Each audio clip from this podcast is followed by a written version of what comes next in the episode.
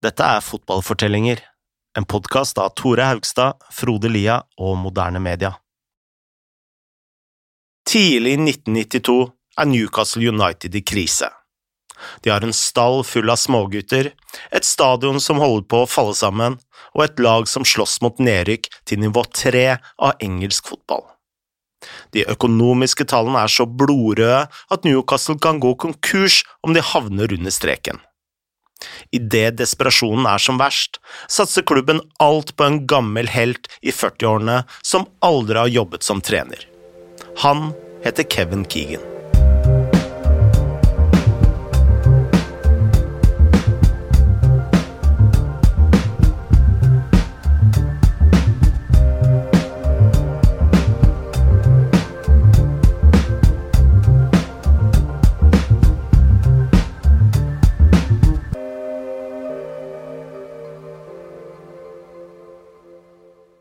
Kevin Keegan er ikke først og fremst kjent for å spille for Newcastle. Han hadde sin storhetstid med Liverpool og Hamburg på slutten av 70-tallet, da han vant gullballen to ganger, pluss Champions League og Bundesliga. Men faren og en av onklene heia på Newcastle, og da Keegan var i ferd med å trappe ned karrieren, tok han tyren til Tyneside. Han dukket opp i 1982, da Newcastle lå på nivå to. De neste to årene bøtta han inn mål som til slutt tok dem opp til den øverste divisjonen i engelsk fotball. Da Keegan hadde fullført dette oppdraget, la han skoene på hylla for godt. Han tok farvel med St. James' Park med en vennskapskamp mot Liverpool, med stappa tribuner og en 13-årig Alan Shearer blant fansen. Keegan hadde en egen energi og karisma som gjorde han enormt populær, og da kampen hadde endt 2-2, så gikk Keegan ned på knærne i hyllest til fansen. Fyrverkeri smalt opp i lufta, og et helikopter landa i midtsirkelen for å ta Keegan med seg. Idet han fløy av gårde, visste ingen av supporterne om de noen gang kom til å se Keegan igjen.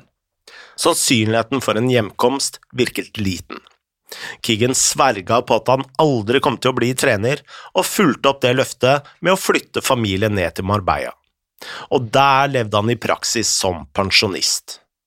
Han sto opp sent, bada i sjøen, tok familien ut til lunsj og spilte veldig, veldig, veldig mye golf.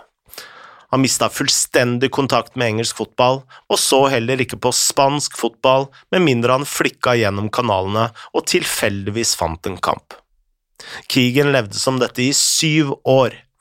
Han var ferdig med fotball og fotballen så ut til å være ferdig med ham. Men så begynte Keegan å lure på hva han egentlig ville med livet sitt. En dag sto han ved det tolvte hullet på golfballen og lurte på hvilken kølle han skulle bruke, og så slo det an. Skulle han virkelig holde på med dette for alltid? Spania hadde jo frista han da han var sliten etter en lang karriere, men han var blitt 40 år nå.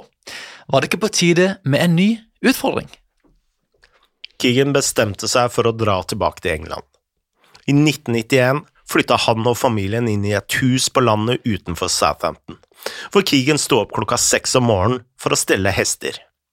Han hadde planer om å åpne en fotballbasert fornøyelsespark, men selv på denne tiden så han ikke kamper. Selv ikke da Liverpool spilte i Southampton, tok han turen. Men en dag ut av det blå så ringte telefonen. Keegan plukka opp røret og hørte stemmen til Alistair Wilson, som var sjef for Scottish and Newcastle Breweries. Dette virka litt random at han skulle ringe Keegan nå, men Wilson hadde en god grunn. Scottish and Newcastle Breweries var hovedsponsoren til Newcastle United, og nå kom Wilson med et spørsmål som nesten fikk Keegan til å falle av stolen. Var han interessert i å bli Newcastles nye trener? Keegan ble fullstendig sjokkert. Han sa ikke ja, men han sa heller ikke nei. Ideen var så usannsynlig at selv ikke Wilson hadde helt troa. Keegan sa at han måtte tenke på det, og fortalte alt til kona John. Hun sa bare én ting, Kevin, du kommer til å si ja. Newcastle hadde aldri trengt en redningsmann så sårt som nå.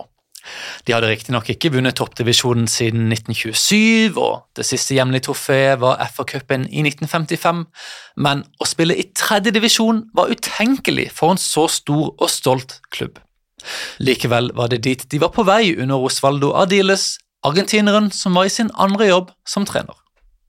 Noen uker tidligere hadde Newcastle tapt 4-0 mot Southend. I en treningsøkt hadde de trent skyggespill, altså øvelsen hvor du bygger opp angrep med elleve spillere uten motstandere. De spilte ballen i bakre rekker da forsvareren Steve Watson slo en pasning tilbake til keeperen Tommy Wright. Men Wright var inne i målet for å hente hanskene, og fulgte ikke med, så pasningen fra Watson rulla i nettet til 1-0. Selv uten motstandere klarte denne gjengen å tape. Spørsmålet var hvor lenge Adile skulle få holde på med dette. Den lokale forretningsmannen sir John Hall holdt på å ta over klubben i denne perioden, og snart så han laget tape 5-2 borte mot Oxford. Og For å fortelle mer om hva som skjedde videre, så har vi snakka med Ian Murtag, en rutinert medlem av sportspressen i Nordøst, som jobba for lokale aviser gjennom 90-tallet og fulgte Newcastle tett. Han fortalte oss om hvordan styret vurderte posisjonen til Ardiles. Newcastle lost very badly at Oxford, and the director, Douglas Hall, who was John Hall's son, was asked how safe was Ozzy Ardiles. And he came out with the immortal quote, he's safe as houses. Now, at that time, I think they didn't want to sack Ozzy Ardiles. They, they really didn't. They, they had faith in him to a certain extent, in that he was he was uh, nurturing the young players. But I think it got to the point when they asked themselves, "Will we stay up?" And the answer the board came to was no. Kort tid etter dette arrangerte sir John Hall et møte med Kevin Keegan. Der forklarte Hall at om Newcastle rykka ned, så kom klubben til å kollapse. Ansvaret på Keegans skuldre ville være enormt, men til slutt takka han ja til jobben. Om han ville ha en utfordring, så hadde han definitivt fått ønsket oppfylt. Seinere kalte seg John Hall inn til en pressekonferanse for å presentere sin nye trener. Åtte år etter at han fløy av gårde i helikopteret, var Kevin Keegan tilbake. I can honestly say that there's no job in football I've ever wanted. This is the only job I've ever wanted. I think we've got tremendous potential here, um, but potential's only any good if we realise it. We will turn this club around. This club will go back where it belongs. Ansettelsen var et enormt sjokk for engelsk fotball. Ian Murtag kunne knapt tro det han så da Keegan ble presentert. Kevin Keegan had never expressed any interest to be a, a manager or coach. When he finished his career, he was playing golf in Spain. And if not being forgotten by English football, he, he was no longer seen as relevant.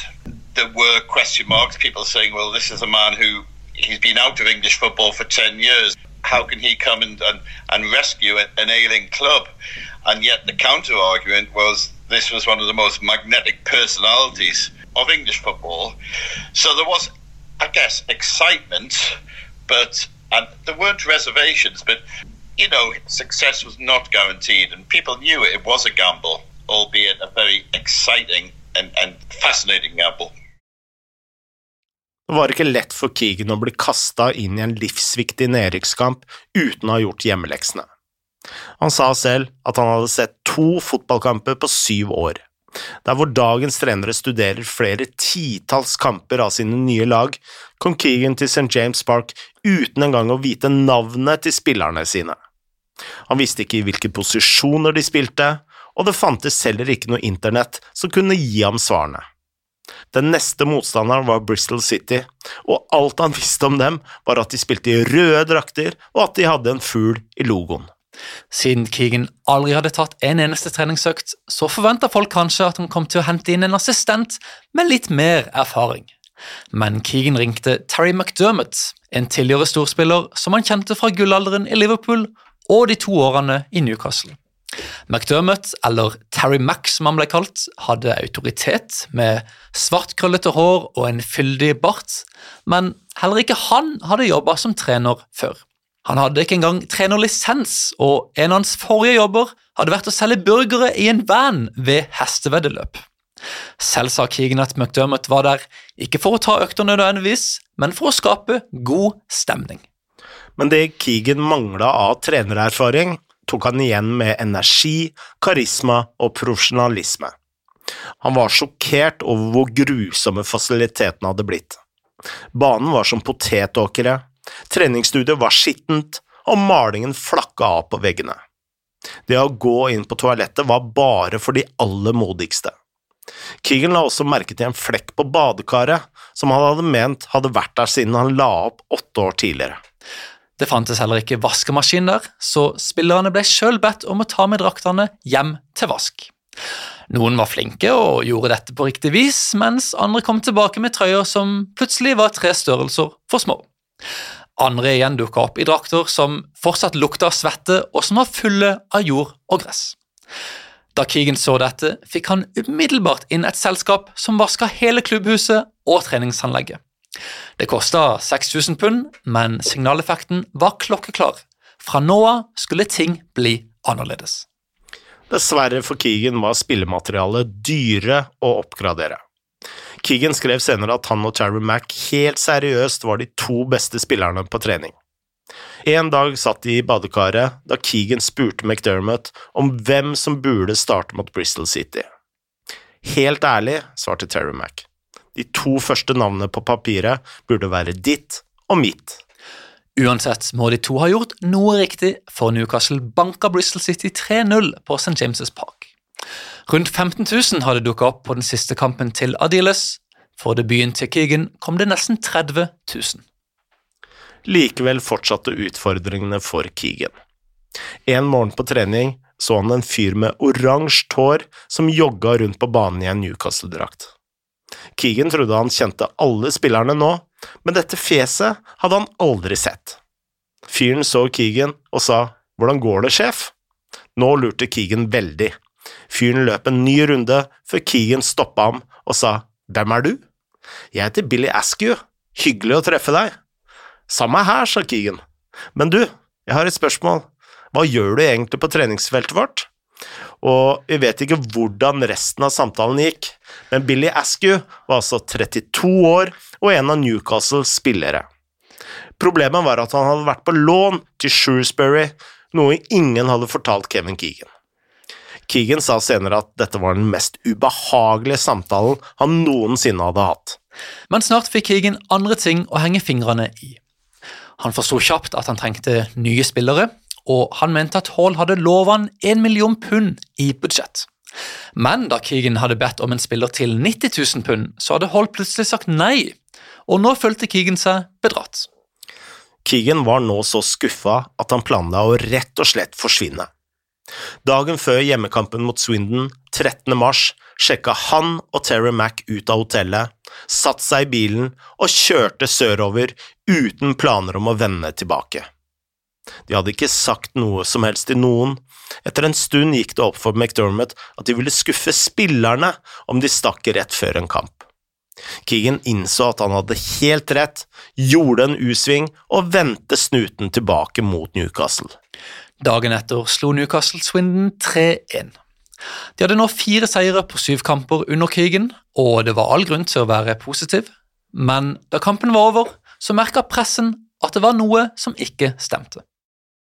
after the match, you know, Kevin Keegan did not go into the post-match press conference, which was unusual.